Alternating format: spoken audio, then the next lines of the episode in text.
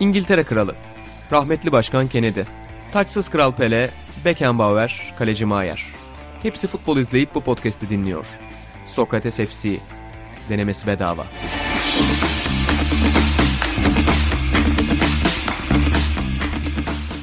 Sokrates FC'den herkese merhabalar. Ben İnan Özdemir, İlan Özgen ve Atahan Altınordu ile birlikte Avrupa ve Türkiye futbolunun nabzını tutmaya çalışan ama genelde başka yerlere giden programımızın yeni bölümüyle karşınızdayız efendim. İlhan Özgen'in tabiriyle futbolun gerçeklerini ama sadece gerçeklerini konuşmak üzere toplandık. Discord başındayız. Ben bir yandan da Manchester City Crystal Palace maçını izliyorum. Şu anda bir röportaj var, Agüero röportajı var. Orada da sevgili Ümit Aktan abimizden öğrendiğimiz taktiklerle birlikte maçta flash bir gelişme olursa Manchester City şampiyonluğunu ilan ederse gerekirse oraya da bağlanacağız. Bunun da haberini verelim şimdiden. İnan bir simültene tercüme yapabilir misin? Aynen. Valla yapmayı çok isterim Atacığım. Geçen şeyi görmüşsünüzdür. BT Sport'ta mıydı, Sky'da mıydı? Kate Upton'un İspanyolca Pochettino simultane tercümesi. O tip şeyleri yayında yapmak çok keyifli oluyor. Yani keşke bir denk gelse de şöyle bir yapsak. Bunu söyleyebilirim. Bu arada tam kapanmaya başladık. Sokrates FC geçen sene zaten tekrar vites arttırmaya başladığında bir kapanma vardı karantina vardı. Last Dance vardı. Özellikle Atahan NBA konuşmak istiyordu. Çok ciddi bir dönem boyunca NBA konuşmuştu bu podcast içerisinde.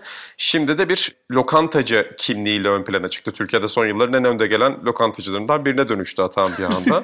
Sokrates FC dinleyicileri de bu sürecin yakın takipçisi zaten. Senin için bu 17 gün nasıl geçecek Ata? Önce senden duygularını ve düşüncelerini alalım. Abi tabii ben kapattım dükkanı. Her yer kapandığı için sonuçta sanayide hayalet bölgeye dönüyor şey olarak zor. Hani iş açısından baktığımda zaten hani bu pandemi mandemi çok zordu. Çok çok zordu. Şimdi iyice hani öldürücü darbe gibi. Ama ya işte bunlara kapanma kararına değil de kapanma kararını getiren sürece yasakları koyanların kendi koydukları yasakları hiçbir şekilde uymamasına, bu vakaların bu noktaya gelmesinde önemli roller oynamasına sinirlenip dükkan adına korkuyorum ama bunlardan değil de şeyden bahsetmek. Hatta ben kendim de yani öyle düşünüyorum. Bir 20 gün dinleneceğiz ya. İyi tarafından bakıyorum. Ben pozitif biriyim. 20 gün dinleneceğiz. Özellikle senin için yoğundu abi. Yani sana açıkçası şakasını yapıyorum ama bir yandan da senin için farklı bir dinlenme fırsatı bu. Evet. Öyle iyi taraftan bakıyorum ben de. Keyfim yerinde evde.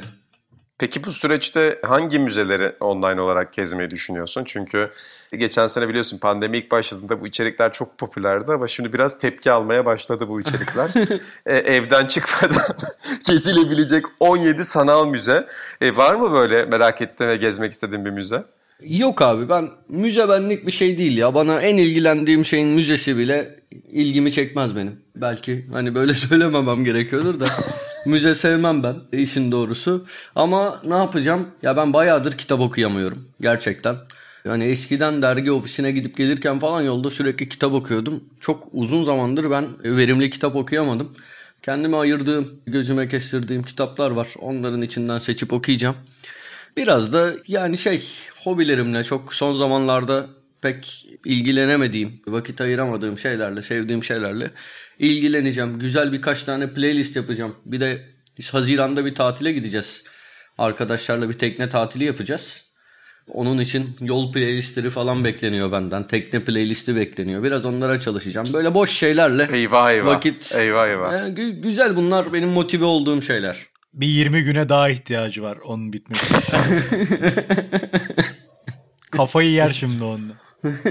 Doğru. İlhan Baba Atan hobilerime zaman ayıracak dedi. Sence bu 20 günde en çok zaman ayıracağı hobi hangisi olur? Bence yazılım öğrenir Atahan. Ben Atahan'ı biraz tanıyorsam Atahan bu süreçte yazılım öğrenir. Yok abi benim en kötü özelliğim gerçekten çok kötü bir özellik. Ben sıfırdan bir şey öğrenme konusunda çok üşengeçim. Öğrenme süreci hani benim gözümde çok büyüyor. O yüzden öyle, öyle şeyler yapamam İlo. Ama hadi konumuza geçelim. Böyle kendimi şey hissettim. Dinleyicilerimize karşı mahcup hissettim. Olsun biz seni özlemişiz. Senden konuşmayı tercih ediyoruz burada. E, İlhan Baba ben de kapanma içerisinde bir tane okumadığım kitaba bakacağım. Jonathan Wilson'ın futbol taktikleri tarihini okuyayım diyorum artık. Futbolu çözmenin hmm. zamanı geldi. Emre, Emre Özcan titremeye başladı. Tahtı sarsılacak. bir ara vardı benim şeyde lisenin ikinci ya da üçüncü sınıfında abi işte Atağan'ın falan da blokların çok popüler olduğu dönem ya da lisenin ortası da olabilir. Dedim ki ben bu taktikleri bir öğreneyim futbol taktiklerini işte sahte dokuz falan filan. Onları hep okudum. Emre'nin bloğunu da okumuştum ondan sonra. İşte Orhan Ulucan'ın bloğu vardı. Birçok insanın bloğu vardı. Çok fazla insanın o dönem popüler bloğu vardı. Onları okurken işte o terimleri falan görüyordum. Sahte dokuz falan. Arkadaşlarımla maç izlerken yani öyle bir uyduruyordum ki bakın işte o saatte 9 oynuyor bu saatte 9 oynuyor falan. Bir iki sefer arkadaş küfretti bana. Dedi ki hadi lan oradan falan hani bilmiyorsun sallıyorsun gibi bir şey dedi. Ben de bunun üzerine kendimi geliştirmek yerine arkadaşımın haklı olduğuna karar verip bu konuyu komple saldım. E, o günden sonra ilk yatırımım olacak futbol taktiklerine. Halbuki tweet atsaydın daha çok alkış alabilirdin. Ulan adam ne biliyor filan.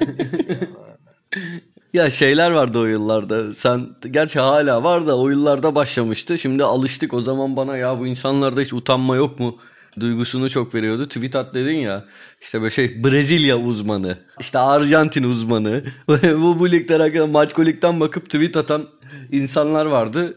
İnanın bu yolu seçmemiş olması beni üzdü. Ya ben Fransa Ligi uzmanı olmayı çok isterdim ama sıkıldım Fransa Ligi'nden yıllar içinde haklı Abi, olarak. Yani. olmak için yapabil arada maç golüye baksan yeterdi ben sana söyleyeyim.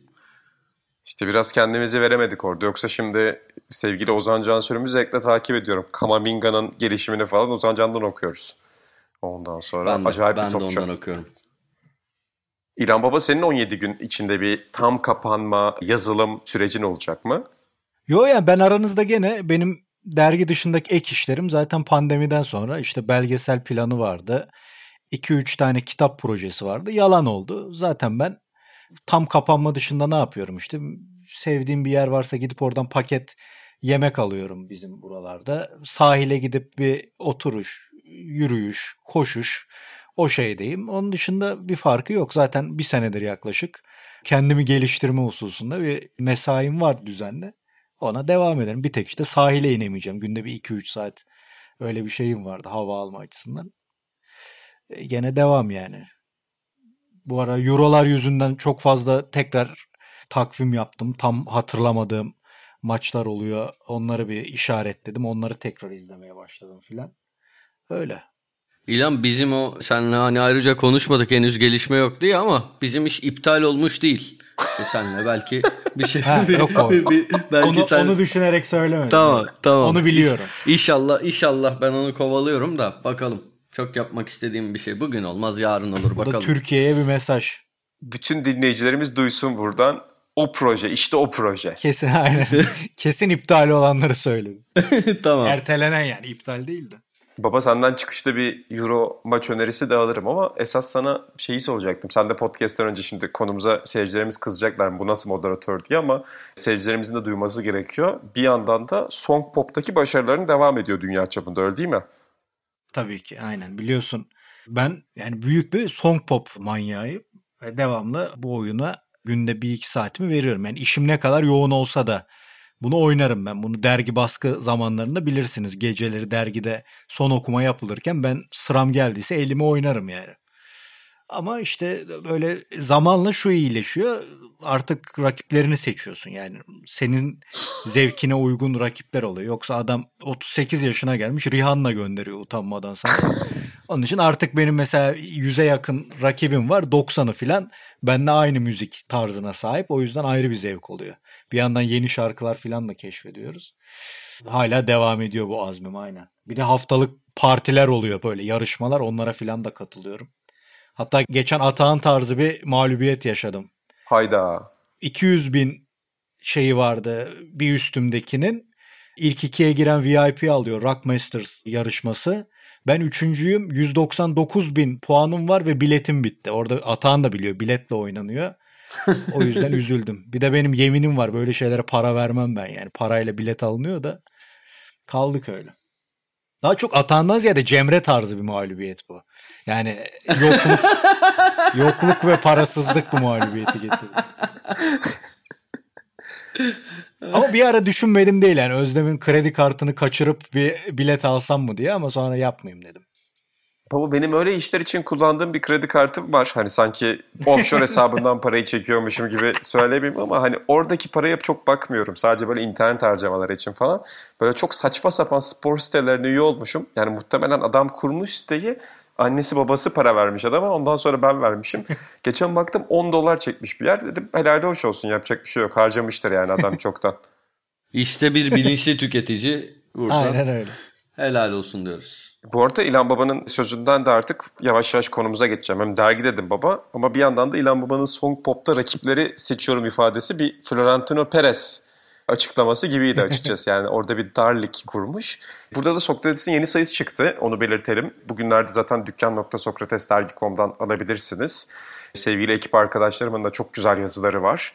Atahan Altınordu uzun süre sonra bir röportajla değil bir düz yazıyla o nadide kaleminden lezzetli bir içerikle berbat bir tanıtım oldu ama Elton John ve Watford ilişkisini yazdı. İnan bunun sonunda bir şeyler karaladı demen lazım. Yani bu cümle öbeğini böyle noktalaman gerekiyordu. Bir şeyler kara bir şeyler damlattı kağıda filan. Öyle Bizim için bir, bir şeyler damlattı kağıda. Yani gözyaşlarında damladığı bir çok güzel bir yazı olmuş. Sevgili Elton John'dan biraz daha bahsedeceğiz.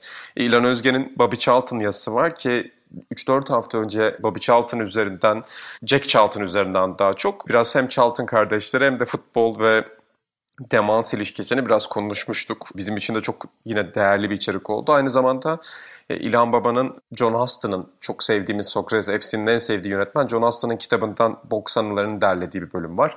Yine Şampiyonlar Ligi ekimiz var. Orada da İlhan Özgen bu ay fazla mesai yaptı. 2005 Milan-Liverpool finali İlhan Baba'nın kaleminden okuyabilirsiniz. Ama ben burada Elton John'a dikkat çekmek istiyorum. Çünkü Elton John-Watford ilişkisi zaten sıra dışı temasını işledik bu sayıda. Futbolun en sıra dışı başkanlık kulüp ilişkilerinden biri. Hatta taraftarlık kulüp ilişkilerinden biri diyebiliriz.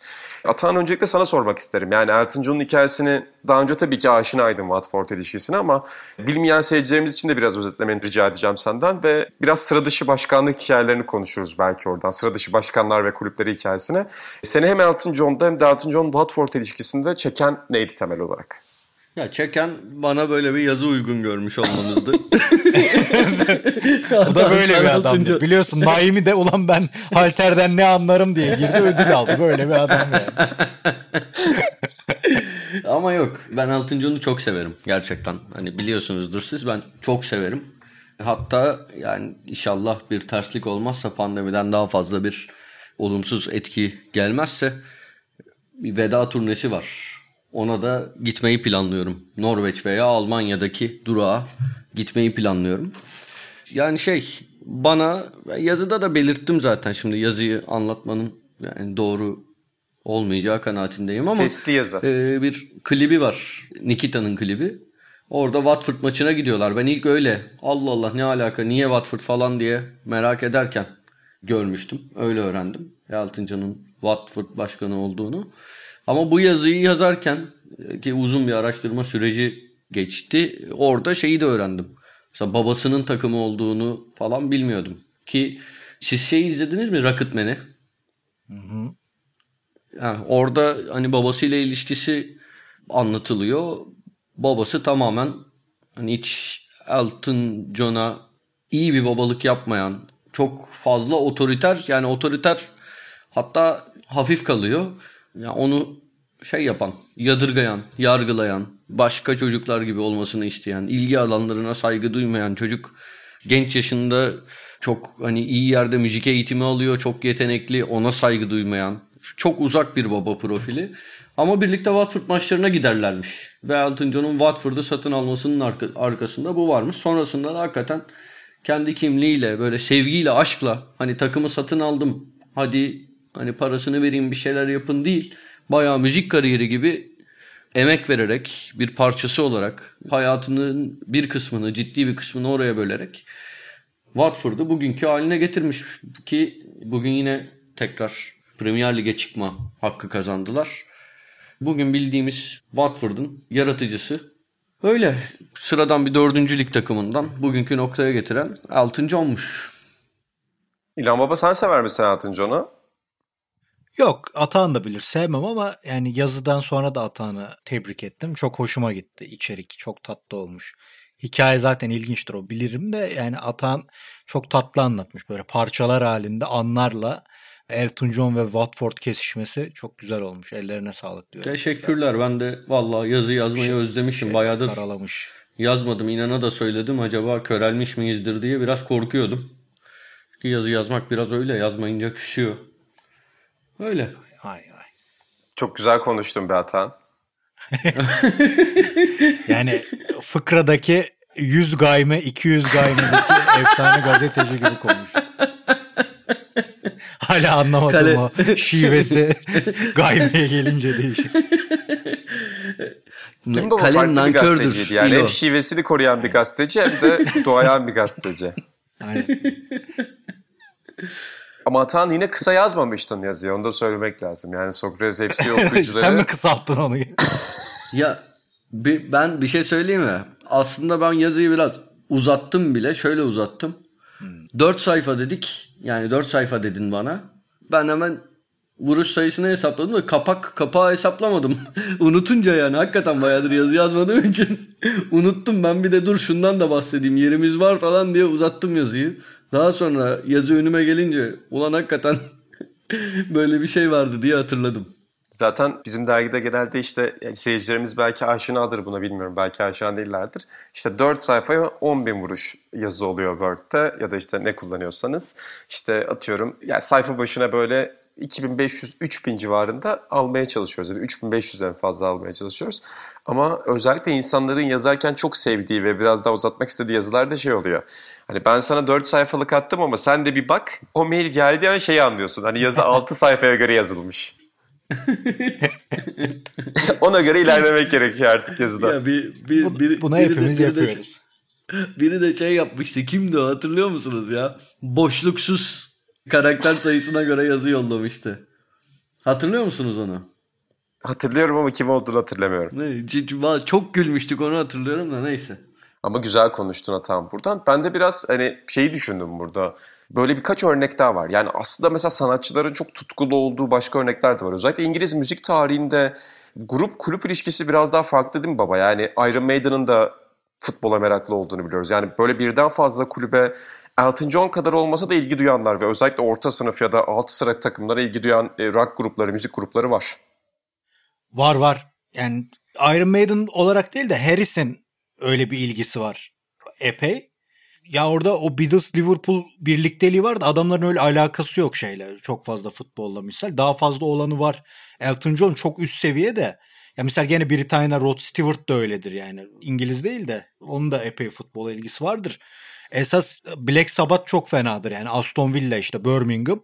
Onların hepsi Aston Villalıdır ve bir türlü Aston Villa'dan yolları kesişmiştir onların. Mesela Geezer Butler çok büyük taraftardır. Ya da Ozzy Osbourne çok işte bu kötü bir kötü değil mi? Saçma sapan bir hayatı olduğu için çocukluğunda filan da Aston Villa'nın maçlarında araba şey işinde çalışıyor. Araba park etme, araba yıkama mıkama işlerinde çalışıyor. Ian Pace'in Deep Purple'ın davulcusunun Nottingham Forest şeyleri var. Hatta yanlış bilmiyorsam o şampiyon kulüpler kupası şampiyonluğu döneminde konserler bile maçlara göre ayarlanıyor filan böyle. Futbolla heriflerin bir manyaklığı var. Şeyin Robert Plant'in Wolverhampton ben toprak sahaya da yazmıştım. Bir merakı var. Hatta bir lig kupası maçına gidiyor. Dönüşü epey zaman alıyor. Orada taraftarlarla zaman geçiriyor. Bir şeyler oluyor filan. Yani futbolun epey içindeler cidden. Yakın dönem şarkıcılarında da var o yani. Evet zaten hani şey çok ünlüdür. İşte Oasis'te Manchester City çok Evet. ünlüdür mesela ki aslında Manchester United'ın İngiltere'de ve Avrupa'da zirvede olduğu yıllarda Gallagher kardeşler City taraftarı olarak öne çıkıyorlar. Neyse şimdi biraz kaybağını almaya başladılar ama öyle bir öne çıkıyor ki artık bu rock grupları ya da bazı müzisyenler. Mesela Guardiola'yı transfer ettiğinde City ilk röportaj yaptırdı ya da karşısına oturttuğu insanlardan biri Noel Gallagher oluyor. Çünkü artık kulübün neredeyse futbol efsaneleri kadar özdeşleşmiş hale gelmiş onlarla. İşte e, Pete Doherty vardı Libertines'te ve Aynen. E, solo kariyerinde de işler yaptı. Biraz farklı müzisyendir. Yani çok seveni vardır, sevmeyeni vardır tartışılır ama Fazla keş. evet yani zaten e, müzik kariyerinin de biraz dibe vurmasının sebeplerinden biri o oldu. Peter Arthur'un mesela fanzin çıkardığı yıllar var. Queen's Park Rangers olması lazım fanzini çıkarıyor. Ama herhalde biraz şeyle bağlantılı. Yani savaş sonrası İngiltere'sinde, savaş öncesinde de var ama savaş sonrası İngiltere'sinde iki tane şey var toplumsal hayatta öne çıkan. Biri rock müzik ya da pop müzik diyebiliriz. Pop müzik ve sonrasında rock müzik. Diğeri de futbol. Özellikle biraz da alt sınıflardan gelen çocukların hem yukarı sınıflara çok İngiliz toplum sistemi çok geçişken bir toplum sistemi değildir. Daha katı bir sınıf sistemi vardır ama en azından hayatını garanti altına alma açısından seni üst sıra, sıraya çıkaran şeyler ya da senin kendi hayatın, kendi işin dışında yapabileceğin aktiviteler bunlar genelde. Pop müzik ve futbol. O yüzden de çok kesiştiği oluyor. Bu arada inan belki yani sen anlatmak istersin ama NBA'de de var aslında. Sanatçıların hem hani müzik sektöründen hem sinema sektöründen insanların çok içinde olduğu NBA takımları da var öyle değil mi? Ama Tabii. NBA'in sanki popülerleşmesinden sonra olan bir şey. Yani savaş dönemi sonrası İngiltere'de... Ha, tamam canım tabii ki. Hı hı. Ha, pardon lafını böldüm. Lafını böldüm. Yok yok bölmedim hocam. Ya ben şey gibi söylemedim yani. Bir umut falan hani şey savaş sonrası hani öyle bir tarihsel arka planla gelmedim tabii. Amerika'da biraz şey oluyor abi. Şey geyiği çok hoşuma gider benim. Hani rapçiler NBA yıldızı olmak istiyor, NBA yıldızları rapçi olmak istiyor diye. Yani gerçekten de öyle. NBA oyuncularına bakıyorsun. En çok özendikleri insanlar şu anda rap yıldızları. Rap yıldızlarına bakıyorsun sürekli maç kenarlarındalar, bench kenarlarındalar. Onlar da NBA yıldızları gibi olmak istiyorlar. Maalesef çok korkunç işbirlikleri çıkıyor. Yani Allah affetsin şarkılar ve albümler meydana geldi 2000'lerden 90'ların sonundan itibaren. Hatta Kobe Bryant'ın albümü var yayınlamadı bile adam. Yani o kadar hani kendi yayınlamak istemedi beğenmediği için albümünü. E, çok az kişinin dinlediği bildiğim kadarıyla şarkıları var onun da. E, ama gerçekten de İngiltere özelinde o çok ilginç bir bağdaşlık. Fakat bu başkanlık kültürü yani İngiltere'de de çok ilginç başkanlar var ama Avrupa futbolunda biraz daha farklı herhalde değil mi baba? Yani sıra dışı başkan deyince İtalya çok öne çıkıyor ama İtalya'nın burada bir farkı var mı yoksa diğer ülkelerde de benzer izlekler bulabiliyor muyuz? Ya fark derken ne üzerinden fark alabiliriz? Yani şöyle biraz daha renkli işte atıyorum daha futbolla birlikte öne çıkan işte sanat camiasından gelen futbolu hem bir reklam aracı olarak kullanan hem de gerçekten takımlarını seven yani Elton John Watford ilişkisi belki biraz daha sıra dışı bir ilişki ama sıra dışı başkan ekolüne İtalya'da biraz daha fazla rastlıyoruz sanki tabii böyle sanatçı ya da hayata farklı bakan insan şeyinde değil. Mesela İtalya'da da böyle çok aşırı taraftar olan oyuncular falan var. Ugo Tognazzi falan vardır. Meşhur İtalyan oyuncu. Onun Milan ilişkisi falan çok bilinir. Hatta soyunma odasına falan kadar girdiği söylenir ama başkanlık kadar yok. İtalya'daki başkanların cinsliği İtalyan kulüp tarihine baktığımızda hep para harcayan başkanların takımları bir yere getirdiğini görüyorsun. Yani bu hep böyledir. İşte Sampdoria Sampdoria hatırlar herkes. E, Paolo Mantovani denen adamın gelip parayı basıp bir proje yaratmasının ortaya çıkan bir şeydir. Ondan sonra Maradona ne oldu da Napoli'ye gitti derler. E Ferlaino denen adamın nereden geldiği belirsiz parayı yıllarca saçması sonucu gelmiştir. Yani Fiorentina Sokrates'i nasıl almıştır? İşte Pontello'nun belli bir parası vardır falan. İşte zaten o gele gele Berlusconi'ye kadar gelir. Berlusconi de patlar iyice. Berlusconi işte daha farklı şeyleriyle hani Agnelli diyor ya bir stat eğlencesini bir televizyon eğlencesine çevirdi. Berlusconi bir devrim yapar. Ama yani İtalya'nın baktığında tarihine ya Roma'nın en iyi dönemi niye iyi? Dino Viola para harcamış. Ya da Pisa ilk birinci lige çıktığında Anco Netani diye bir tane başkanı var. Hani İtalya'yı Agnelliler yönetir, Pisa'yı ben yönetirim diye böyle cümleleri var filan. Ve habire ekranlardalar, habire şovlardalar. Yapısına göre işte Viola biraz daha Hristiyan demokrat, daha oturaklı bir adamken diğerleri daha Ferlaino gibi Maradona ile çekişen devamlı basına birbirini karalayan şovmenlere dönüşebiliyor. Berlusconi gibi daha ilginç yıllar sonra siyasete de girip daha e, manyakça şeyler yapan birine de dönüşebiliyor. Ki Juventus'un istikrarına bile baktığımızda hep bir ailenin elinde olmasının bence en büyük nedenlerinden biri. Yani Agnelliler iyi ya da kötü bir türlü o dengeyi sağlıyorlar devamlı. Onun için çok başkana bağlılık açısından İtalya'da apayrı bir durum var. Bunlar da yani çok normal insanlar olmuyor işte. Berlusconi'den sonra Zamparini vardı hatırlıyorsunuz Palermo'da. Adama niye kovdun hocayı dediler. E çünkü istediğim oyuncuyu oynatmalı dedi. Öyle öyle adamlar da çıkabiliyor. Bu biz e, başkan deyince Türk futbolunda yani İtalya ve başkan deyince Çekigori'yi tanırız. Başka bir başkan e, tanımayız. Tabii o da vardır. Ya bir de şey vardır ona çok gülerim ya. Bana soru da geliyordu. Hani Fatih Terim'le araları gerilmişti ya Çekigori'nin. Ya Çekigori tipinden dolayı ulan Allah'ın pornocusu filan ya abi. Çekigori bayağı önemli bir film yapımcısı. Yani İtalyan Oscar kazanan Mediterraneo gibi filmlerin filan yapımcısı. Şeyde onun da de... Hayat Güzeldir. O da o da onun. Tabii aynen baba. Onundu. Öyle bir yani bayağı önemli bu İtalyan sinemasında yeri olan bir yapımcıdır. Ha tipi mipi bize biraz şey gelirdi her zaman belki o yüzden ama o da o örneklerden biriydi ama onun sağ dışı gariplikleri bunların yanında gene normaldi. Yani Zamparini falan çok uç noktaydı ya. Baba o peki, takımı ha, batırdı yani Çekigori. Baba peki biz geçen hafta biraz konuştuk. Agnelli'yi gerçi öz olarak anmadık ama Agnelli de çok gündemde Agnelli ailesi. Sen Türkiye'de Reha Erus'un geçmişte taşıdığı bir ünvan taşıyorsun artık. Ee, Agnelli ailesinin sırdaşısın. Amerika'da şimdi Barbaros Tapan var ya Amerika ile ilgili bir şey olunca Barbaros Tapan'ın röportajı Aynen. diyorlar. Agnelli ailesini çok yakından tanıyan bir isim olarak e, bu sıra dışı başkanlık ekolüne onların tabii ki avukatı koyarsın başta ama tabii. yeni jenerasyon nasıl bakıyorsun? Ya abi ailenin bir kere ben böyle hani karanlık yanlarının filan şey olmasına çok gülüyorum. Yani olacak zaten dediğim gibi. Yani, ber, yani Agnelli'ler Juventus'a şunu bunu yaptı. Juventus bu adamların karanlık işlerinden dolayı şampiyon oldu deyip de e, ah be Sakki'nin Milan'ı neydi demek komik. Orada da Berlusconi vardı. Yani Berlusconi'nin temiz bir iş yapacağına ben inanmıyorum. Dediğim gibi bu adamlar İtalya'da çok bağlantıları garip insanlar olduğu için birçoğunun hatta bizim Feyyaz hatırlıyorsunuz bir röportaj yapmıştı hocasıyla. Napoli'liydi adam. O da söylüyordu. İtalya'da ben Napoli şampiyonun dahil hiçbir şampiyonun temiz olduğuna inanmıyorum diyordu adam yani. Hani Ferlaino da temiz bir adam değil. Onun için bana garip geliyor ama Agnelli'lerin yani bu Amerika bağlantıları filan ezelden olan zaten oradan aldıkları destek de hatta desteği de geçtim. Yani fiyat daha kurulurken zaten Ford'la devamlı iç içeler. Yani e, o avukatın dedesi de daha kulüp alınmadan fiyat kurulduğunda zaten Ford'dan birçok fikir alınıyor. Ford ziyaret ediliyor ki hatta Gianni Agnelli'nin de bu ihtişam merakının ilk dedesiyle birlikte Amerika ziyaretinde olduğu filan söylenir. Onun için hep Amerika ile iç içeler. İşte bir avukatın oğlu vardı garip bir şekilde vefat etti. Hatta o öldürdü filan deniyor. Daha sonra Müslüman olmuştu filan.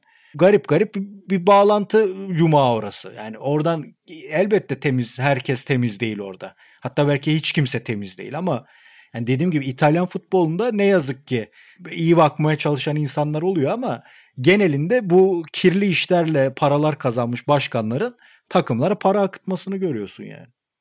E aslında tabii dünya futbolunda hikayesi o. Yani İspanya futbolunda, belki Almanya evet. futbolunda işte bu sahiplik yapısını geçen de konuşmuştuk biraz daha farklı ama bütün sporlar özelinde öyle. NBA sistemi bile ne kadar sağlıklı, ne kadar diğer sporlara göre organize ediyoruz ama orada bile senin başkanın lüks vergisi ödüyor mu? Ödüyorsa senin takımın daha başarılı oluyor. Yani tabii ki NBA'de hakemlerle olan ilişki belki İtalya'daki, İspanya'daki, Almanya'daki ya da başka ülkelerdeki gibi bizdeki gibi bir ilişki değil. Orada işte medyada şu hakemi satın aldı, bu hakemi satın aldı diye açıklamalar çıkmıyor çok fazla ama orada bile işte Phoenix Suns en başarılı döneminde 2000'lerin başındaki döneminden bahsediyorum. Tabii ki 90'lardan bahsetmiyorum. Lüks vergisi ödememek için Joe Johnson'a o kontratı vermedi. E sonra ne oluyor? Lüks vergisi ödemeyince senin takımın şampiyon olma ihtimali daha azalıyor. Golden State parayı ödüyor oluyor. O yüzden de Atahan da geçen hafta söylemişti. Yani futbola ilk kez para girmedi tabii ki. Geçmişte de yani para akıtan başkanların kulüpleri her zaman biraz daha diğerlerine göre başarılı oldu. Portekiz'de de bu böyle, Türkiye'de de bu böyle. Hemen her yerde bu böyle sonuçta. Aynen. Yani dediğimiz gibi işte yani Lazio mesela Craniotti ile başarılı olmuştu. Sonra sonra işte Veron'un İtalyan vatandaşı yapılması gibi ilginç ilginç dolandırıcılıklar gördük orada da. Yani İtalyan futbolunda bu kir her zaman var. Ben biliyorsun şeye de yani Calciopoli sonrası İtalyanların futbola ilgisi azaldı şeyine de hep karşı çıkıyorum. Seninle John Foot'ta konuştuğumuzda da aynısını demiştim. Yani biz bilmem kaç kilometre öteden İtalyan futbolunun kirli taraflarını görebiliyorken oraya giden insanlar Calciopoli mi bekledi yani aa bu kadar kirli miydi futbol diye. Komik bence yani. Hep o taban üzerine yayılmış bir futbol anlayışı var maalesef İtalya'da. Ya işte Verona'nın şampiyon olduğu sezon var. Onun esprisi var. Yani ilk defa hakemler kura ile çekiliyor o sezon. Verona şampiyon oluyor. Öbür sezon kaldırılıyor gene Juventus şampiyon oluyor filan. Yani hani bütün bunlar aslında bir Baba senin de o uzun Agnelli yazısı var ki çok güzel Agnelli ailesinde özellikle evet, de işte de av, avukata anlattığın yazı. Yani o kadar güzel yazı yazdın detaylı. Benim aklımda en çok kalan yer hangisi biliyor musun? Aras'ta da sürekli ondan bahsediyoruz. Avukatın bir sözü. E, iki tip erkek vardır. Biri kadınlar hakkında konuşmayı sever, biri de kadınlara konuşmayı sever. Hani ben ikincisiyim diyordu. Biz de Aras'ta hep şey diyorduk Ben ya biz de kesinlikle birincisiyiz. Ondan sonra yani Sokrates FC ekibi de burada ikiye ayrılıyor. Yani hakkında konuşanlar ve kadınlara konuşanlar Atan kesinlikle avukat ve Agnelli sınıfına sokulabilir burada. Ama Yani. tabii ki bu konuya dair konuşmak istemeyecektir. Evet herhangi bir yorum yapmıyorum burada. Peki Atan burada hazır son bölüme gelmişken biraz böyle sıra dışı başkanlardan konuşurken. Türkiye'den de çok konuşulabilir ama Türkiye çok daha kirli bir ortama giriyor. Yani Türkiye'ye girdiğin zaman 50 tane iktidar odağına falan girmen lazım. Hani girmediğimiz konular da değil zaten. O yüzden biraz böyle Avrupa futboluyla sınırlı tuttuğumuz bir Evet, şeydi. evet, Ama Atan evet, senden evet. söyleyeceğin bir şey varsa alabiliriz. Yok valla şey dışı seni içi beni ya. Şimdi ne yapacağız burada? Sokrates FC'de de Jet Fadıl konuşmayalım yani. Yok ya. Ya biz de o açıdan Ki yani sadece o da değil herhalde. Yani İtalyanlarla bin tane örnek çıkar ya. Türk futbol tarihinde. Tabii tabii yani şey lafın gelişi söyledim de yani yoksa Ki hani televizyonun falan da olmadığı dönemde de muhtemelen herhalde Türk futbolunda başkanların tarihi tamam ben 90'lardan falan itibaren biliyorum ama geçmişi de düşünüyorum mesela. Gerçekten başkan ismi ezberleme konusunda biz çok iyiyizdir. Çünkü çok fazla açıklama yapar başkanlar. Yani bizde de sonuçta daha önce yöneticilik üzerinden konuşmuştuk. Çok önemli bir gösterge başkanlık, bir reklam aracı. Çok ciddi bir reklam aracı İtalya'da olduğuna benzer bir şekilde sonuçta. başka bir dilde başkanım diye bir şey yoktur zaten. Başkanlık konusunda bizim ülkede bir zaaf var. Onun için yani oradan da başkanım çıkıyor işte. Adam herkese başkanım diyor. başkanım, müdürüm her sektörde. Ha, aynen. Her sektörde öyle. Hocam, Evet müdürüm. hocam Ee, maalesef Moderasyona çok var. devam et. müdürüm var çok maalesef. Başkanımın da şeyi çok güzel oluyor böyle muhtarlara falan bile diyorlar ya artık böyle hani şeyin artık inanılmaz bir boyutta yani. Üç kişiyi yöneten insan başkanım oluyor artık Bir Türkiye'de. şey söyleyeceğim. Ben bir kere Galatasaray'da çalıştığım dönemde hani bunu gurur, gururla söylemiyorum ama Abdurrahim Albayrak'a demiştim başkanım diye. Havaalanındaydık. Hava, havaalanındaydık Antalya'da. O günlerde de Galatasaray'ın Drogba'yı transfer etme ihtimali vardı. Ben bu arada hani felaket hastaydım. Çok hastaydım. Ama bu şeyler bendeydi. Yani o, o anda bendeydi o görev. Oyuncu inceleme yazısı yazma. Hani Eray yazardı. Bugün Galatasaray'ın basın sorumlusu Eray Sözen. Çok sevdiğim bir arkadaşımdır. Ee, o yazardı ben yazardım. Benim yazmam gerekiyordu. Gittim Abdurrahim Albayrak'a dedim. Ya başkanım dedim şimdi bir, hani bir şeyler duyduk. Hazırlık yapalım mı dedik. Ne konuda dedi. Ya dedim Drogba falan. Drogba bitti daha büyük bombalar yolda dedi. Ben gittim eve hasta yani fela gece 4.30-5'e kadar Drogba infosu yazdım. Gelmedi Drogba.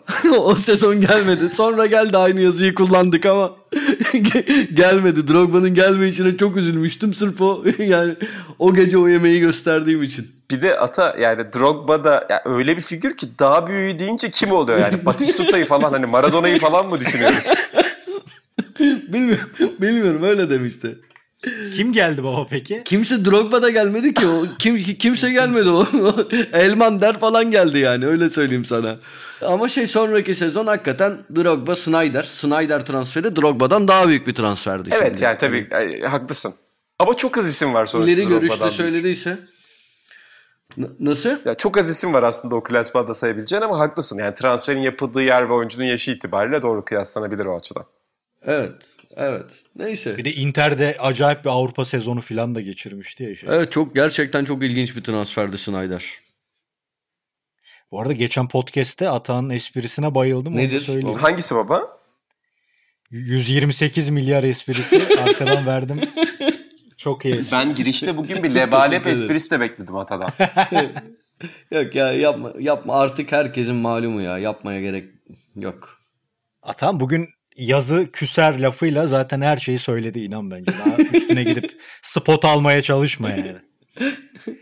Bu bölümün adı bile o olmalı. Eskiden dizilerin adı olurdu ya böyle hani dizilerin bölümlerin ismi olurdu. Bu bölümde o yazı küser. Şaka yaptım orada. İlan. Gerçekten de öyle ve hani biliyorum ki bizi çok takip eden genç spor yazarı var. Büyüyüp spor yazarı olmak isteyen çok arkadaşımız, çok dostumuz var. E, Atan çok güzel bir mesaj verdi onlara. Yazı küser dedi. Bisiklete binmek gibi aslında yani hatırlanabilir ama biraz şey yapmak gerekir. Başka tavsiyelerin var mı Atan yazı konusunda?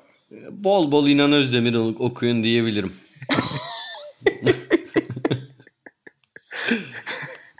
ya şaka bir yana. Bisiklet yazımı okudun mu Ata yeni sayıda? Okudum okudum. okudum tabii. Tahsini de yaptım gönderdim Ha, diye sen basketbol basketbol yazılarını sevmiyorsun. Ha, sen bak, bisikletle bir bisiklet problemin yok. yazılarını seviyorum ben çok seviyorum. Ben basketbol yazıyorum. Basketbol yazı yazı neyse şimdi dur ya burası dergi ofisi değil. Kendimizi şey Onun o yapmayalım. lanet beşlerle problemi var işte onu sevmiyor bir türlü. Ya ba- basketbol Olsun söyle Atan. Sen basketbolun yazılmaması gerektiğini düşünüyorsun. Ya ha, hikaye tamam. İnsan hikayesi tamam ama ya basketbol yazılarının yüzde sekseni bence bizim dergidekiler dahil. 8 rebound aldı, 12 asist yaptı, bilmem ne. Ya abi rakam, rakam, rakam, rakam. Hani bak mesela yani şey bazı hikayeler oluyor veya işte süreçler atıyorum işte Philadelphia nasıl hani bugüne geldi bilmem ne falan diye yazılar vardı işte Vay, trust the process trust the bilmem ne process falan. diyorsun. Hani onlar onlar çok güzel yazılar veya işte Fenerbahçe'de 90'lı yıllarda Fenerbahçe'de oynayan iki Amerikalı'nın hikayesi, onun burada yaşadıkları falan. Onlar güzel ama basketbolun yani saha içi çok fazla edebiyata yapılacak bir şey gibi gelmiyor bana. Ha bu arada futbol da yani ben futbol taktik yazılarından da sıkılıyorum ama bu bir tercih tabii. Basketbolda o da değil. Yani basketboldaki şey bilmiyorum anlattım işte ya çok fazla rakam var yazıda ben sıkılıyorum. Ama tabii bu benim çok hakim olmadığım bir alan olduğu için ukalalık etmiyorum. Kendi zevkimi söylüyorum burada. Anlatabildim mi derdimi? Tabii anlattın hatta yani gönülleri de kazandın. Trust the Process'e verdiğin referansla. Hepsini okuyorum. Bu arada bir de şey yani derginin en başından beri. Uğur Ozan Suluğan röportajlarını da çok keyifli okudum her zaman. Onu da söylemek isterim. Zaten sen her zaman objektif bir gazetecisindir. Yani basketbol yazılarını sevmesen bile okursun eleştirilerini, övgülerini, muhataplarına belirtirsin. Ama yani eminim dinleyen çok fazla Seminki hayranı vardır, Philadelphia hayranı. Onları da sadece 79-78 Seattle'da değil, 2010'lardaki Philadelphia'nın o dönüşümünü de takip ettiğini göstermiş oldu. Dergi de E, orada da mecburen mec- mecburen takip ediyorum. Yoksa takip etmek istemem. İlgi alanım değil. Ha, ama şey hani bu değişir mi bir gün? Değişebilir. Mesela ben şeye de bisiklet ne yazacaksınız kardeşim diyordum ya. Adamlar bisiklete biniyor. Yollardan geçiyor. Caner de sırf yarışta anlatacak bir şey olmadığı için oradaki şarap bahsini anlatıyor falan diyordum. Vallahi bisiklet yazıları çok güzel şeyler kattı bana. Ben çok sevdim. Bisiklet yazılarını severek okuyorum. Röportajlarınızı keza senin Caner'in. Kaan'ın bazen bisiklet yazılarını Başak'ın. Valla güzel. Evet bu sayıda reklam da yapalım. Sevgili Başak Can da çok güzel bir bisiklet röportajı verdi. E, yaptı, verdi olmadı. Yaptı tabii çözdü ve verdi. Aslında bir süreç bu da. Gazetecilik süreci.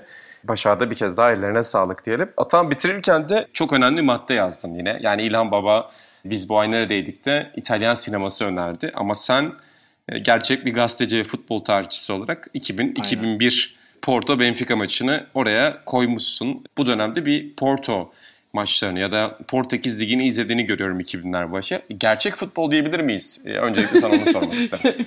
ya bilmiyorum şimdi gerçekten ciddi ciddi söyleyeyim. Ciddi cevap vereyim.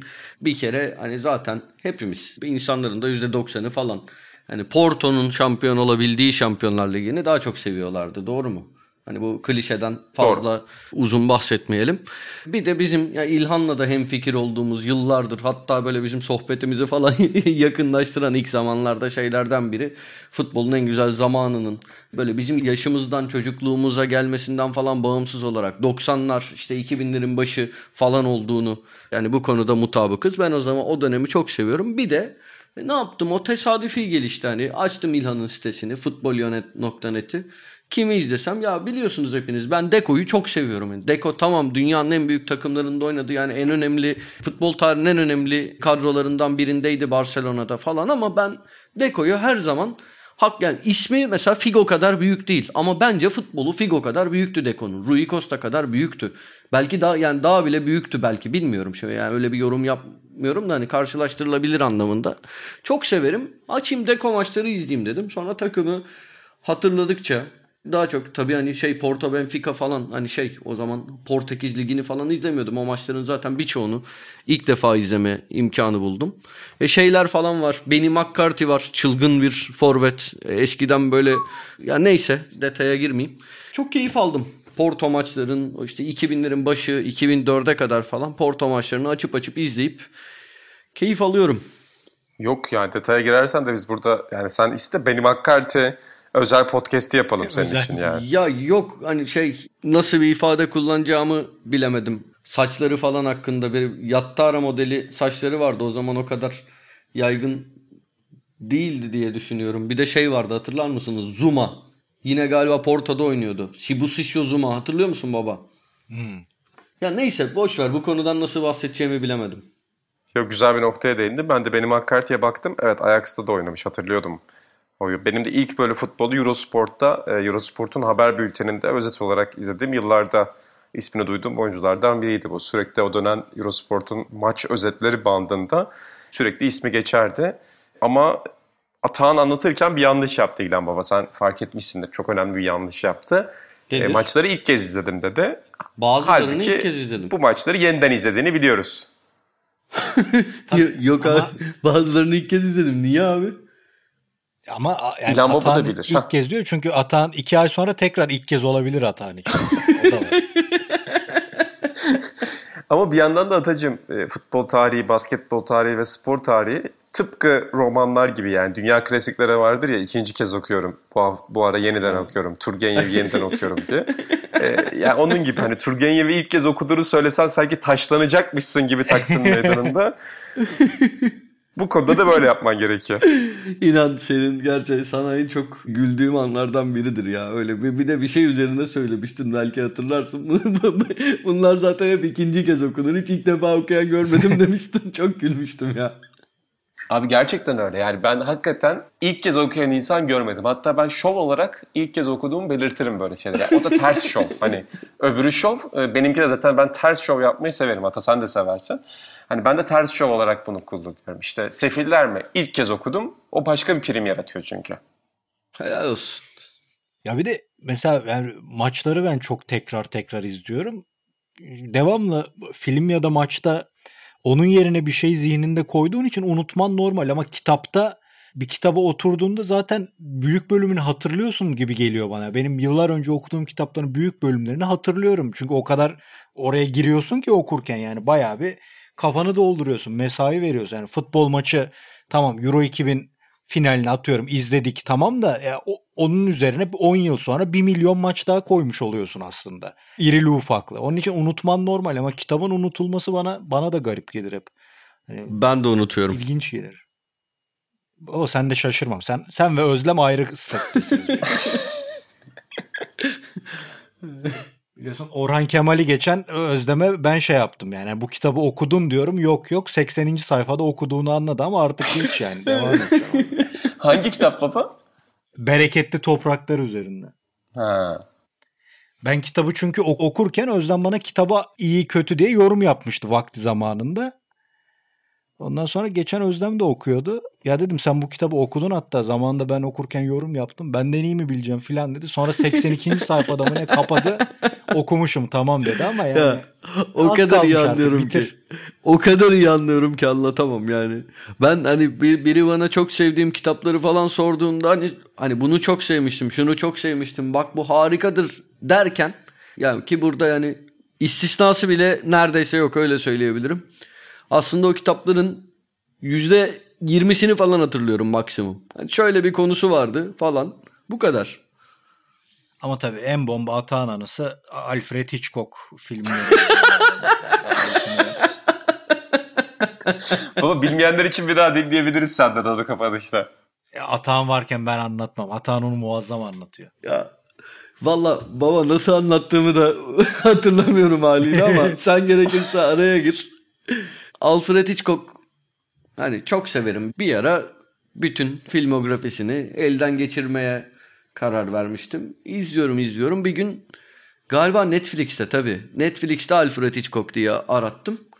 Bir filmi açtım. Baktım böyle başında Dedim bu güzel izlenir falan. Akabinde yavaş yavaş hani böyle bir karakterin adından şeyden Kaplan karakterin adı. Bir de Netflix'te şey diye geçiyor film. Gizli Teşkilat. Ulan dedim hani ben böyle bir film izlemedim. Normalde North by Northwest. Fakat işte şey Kaplan diye bahsediliyor or- orada birinden. Ya dedim bu bana tanıdık geliyor. Neyse dedim hani isimler şey mi falan. Filmi izledim, izledim, izledim, izledim. Gerçekten bu arada Alfred Hitchcock'un en sevdiğim filmi de o. North by Northwest. En son işte en son Rushmore Dağı'na geldiler yani filmin sonlarına doğru. Baba uçak sahnesinde de mi uyanmadın? Kapattım filmi. Ulan Öyle dedim kaç ben, tane bir şey izlemiş olabilirsin. ben dedim bunu izledim yani. Neyse ki Rushmore Dağı var yani. Keşke bıraksaydın Atan. Zaten 10 dakika kalmış filmin bitmesine. Ha, Öyle işte. Ama çok çok güzel bir ana oldu gerçekten. Yani film hafızası insanın çok eskiyebiliyor yani. Ben de geçen Bunel'in çok sevdiğim bir filmini izlerken mesela ki filmi gerçekten çok seviyorum. Burjuvazi'nin gizli çekiciliği en sevdiğim de film isimlerinden biri. Ama filmin yarısından çoğunu unutmuşum mesela onu fark ettim. Fakat bence North by Northwest bir istisna olabilir orada İlhan Baba'nın dediği gibi. Yani sinema tarihinin en ikonik 2-3 sahnesini barındırdığı için ama Rushmore daha hatağı kurtarmış. Ya bir de adam her yerde gerçekçiliği yıkmak adına hani mantığı yıkmak adına o örneği veriyor ya uçağa ya öyle bir sahne. Ama hatam bu. Onun için şaşırmam. Bir de baba Atan'ın oradaki şeyi çok iyi. Baktım hani Gizli Teşkilat diye bir film. Ben bunu izlemedim. Yani düşünsene Hitchcock'un öyle bir şey açıkladığını. Arkadaşlar yeni bir film çektim ismi Gizli Teşkilat. Türkçe bir film çekmeye karar verdim. bitir abi bitir. Podcast'ı bitir. Kes. O zaman kesiyoruz burada. Kat yapıyoruz podcast'te Peki inan senin favori E, Hitchcock filmin hangisidir? baba Vertigo. Hmm. O da güzel. Yani Bir Vertigo- Bir daha, bir daha izleyeyim. Gerçekten acayip bir film Vertigo. Ama North by Northwest bence en eğlenceli Hitchcock filmi olabilir genel anlamda. Alfred Hitchcock'un bir de şeyi Senin mı vardır. favorin Kame- cameo'su. Kendini filmlerinde göster. Söyle baba. Senin favori da söyle. Hitchcock filmin. Efendim? Favori Hitchcock filmin. Benimki arka pencere ya. O da çok manyak bir film ya. Orijinal adıyla söyle. Böyle kafa karışıyor. Rear, rear Rear Window işte aynen. Onun bir de tekrar çekimi var. Superman abi oynuyor da yani herifin ne kadar büyük yönetmen olduğunu orada oynuyor. Senaryo aynı senaryo ama yani gerilime dair hiçbir şey yok öbür tekrar çekiminde. Olayın tamamen Alfred Hitchcock yeteneği olduğunu anlıyorsun yani. Baba bir de hani Hitchcock'un şey tarafı da vardır ya sinema tarihinin en etkili yönetmeni birçok yönetmen üzerinde. Yani yönetmenliği belki de bir meslek haline getirilmesinde en fark yaratan isimlerden biri. John Ford'un falan da çok büyük farkı var da. Mesela Brian De Palma'nın ona çok takıntılı olduğu hep söylenir zaten. Bütün filmlerinde hemen hemen bir şekilde Hitchcock göndermesi yapar. İşte o duş sahnesi, meşhur sapıktaki duş sahnesini filmlerinde anar. Benim gördüğüm o anlamda en güzel referans oluyor. Yani Brian De Palma kesinlikle aynı statüde bir yönetmen değil ki ben Blow Up filmini Brian De Palma'nın en sevdiğim filmlerden biri. Yani ses teknisyenliğiyle ilgilenen, sesle ilgilenen insanların kesinlikle izlemesi gereken bir film bence. Mesela onda bile göndermeler çok iyi ama hiçbir şey Hitchcock'un yerini tutmuyor. Yani onu 90'da da yapsan, 2000'de de yapsan Hitchcock'un 50'de yaptığı bir şey yapamıyorsun. Başka bir şey yani. Evet onunla ilgili şeyi de önerelim. Blue TV'de vardı en son. Hitchcock Truffaut röportajları var ya onun bir belgeseli yapılmıştı. Müthiş bir şey baba. Onu Blue TV'ye koymuşlar. Orada da Wes Anderson olsun, Scorsese olsun bu dediğim mevzuyu zaten Martin Scorsese abi hani tam büyük yönetmen ben müzik işlerini falan da taparım ama biz şeyi çok severiz ya yani uzmanlığı üzerinden bir şey anlatabilen adam. Bunu röportajlarda da çok dikkat ederiz yani hepimiz yaparken. Tamam adam büyük futbolcudur da kendini ifade edemiyordur, anlatamıyordur bir şeyi. O anlatanları ayrı bir yere koyarız. O açıdan Scorsese'nin o anlattığı yerlere bayılmıştım ben de izledim de geçen Blue TV'de gene görüp bir izledim. Hakikaten orada yönetmen nereden onu dinlemek, o farkları dinlemek çok ilginç, çok tatlı. İlhan ben sana Kesinlikle son öyle. olarak Pa- pardon İnan. Buyur Atacığım. Pardon Bitiriyoruz. pardon Son söyle. olarak söyle Atacığım. Son olarak İlhan'a şey sormak isterim. Hani bu arka pencerenin yeniden çekiminden bahsetti ya. İlan şeyleri izler miydin ya? Kemal Sunal filmlerinin Sinan Bengerli. Ulan ne diyecek diyorum ya. Baba izlerdim. İlan ya gerçekten hani ya neyse ya çok bu kadar kötü bir şey nasıl hani bu kadar filme uyarlanmış ilkinden sonra biz yanlış bir şey mi yapıyoruz acaba denmemiş. Çok merak ediyorum. Bazılarında bir de bir- sadece Sinan Benger değil Osman Cavcı falan oynuyordu sanki. İşte şey ya Osman abinin oynadığı şey değil mi işte ya? Neydi? Acı Bademli Seyfi'yi demiyorsun Acı? Bademli Seyfi. O ayrı işte. Kemal Sunal filmlerinin ya da ya Hmm. dur Zeki Metin filmleri falan da Osman Cavcı ile çekildi. Öyle bir şey de oldu. Olabilir. Neyse. Baba bu filmler yazın hep öğlen saatine konurdu. Ve yazın öğlen dışarı çıkman yasaklanır ya annen baban çıkma der güneş var filan. Mecburen bunları izlerdim bir türlü yani. İzlemedim diyen yalan söyler görmedim. Bir de Sinan de Benger bir demet tiyatroda filan yani yan rollerde iyi de bir oyuncuyken oralarda yani niye öyle bir şey girdi bilemeyiz de belki adamcağıza Ya para verdi. Şey iyi ben ben bunu vaktiyle bir röportajında görmüştüm. Cem Uzan söylemiş ona. Hmm. Bak bunlar çok seyredilecek devir televizyon devri. Bayağı da bir hani film için teklifte bulunmuş. Toplu paket halinde böyle 50-60 filmden falan bahsediyordu yanlış hatırlamıyorsam. E ne yapsın adam para verilmiş oynuyor. Cem Uzan bir de hani şey ben televizyon dehasıyım çözdüm bu işi bunlar çok seyredilecek falan diye kandırmış adamı. Aynen. Yoksa- Sinan Ee, abi. bu arada zaten ben de tam o bilgiyi verecektim. Ben de Star TV'de çok izlerdim bunları öğle vaktinde. Tuğba ablamla birlikte. Yani sürekli oturup Sinan Benger filmlerini izlerdik. Bizim için o dönem e, hani şu anda Alain Delon, işte Cary Grant, Humphrey Bogart ne statüdeyse Sinan Benger o noktadaydı. E, o yüzden de çok güzel oldu podcast sonunda almak. Yavaş yavaş da kapatıyoruz. Çok teşekkür ediyorum Atahan Altınordu ve İlhan Özgen. E, Kulüp başkanlarından başladık ama sanatla başlamıştık. Sanatla bitirdik. Sinema özel podcast oldu son bölümüyle Sokrates FC'nin özellikle. Seyircilerimizin bizi feedimizden, podcast istasyonlarında bizim feedimizden dinlediğini biliyoruz sanatlar zaten. Bizi önermeye, puan vermeye, listelerde öne çıkarmaya devam ederseniz seviniriz. Dükkan.sokratesdergi.com'dan da dergimizi alabilirsiniz efendim. Görüşmek üzere diyelim. Hoşçakalın.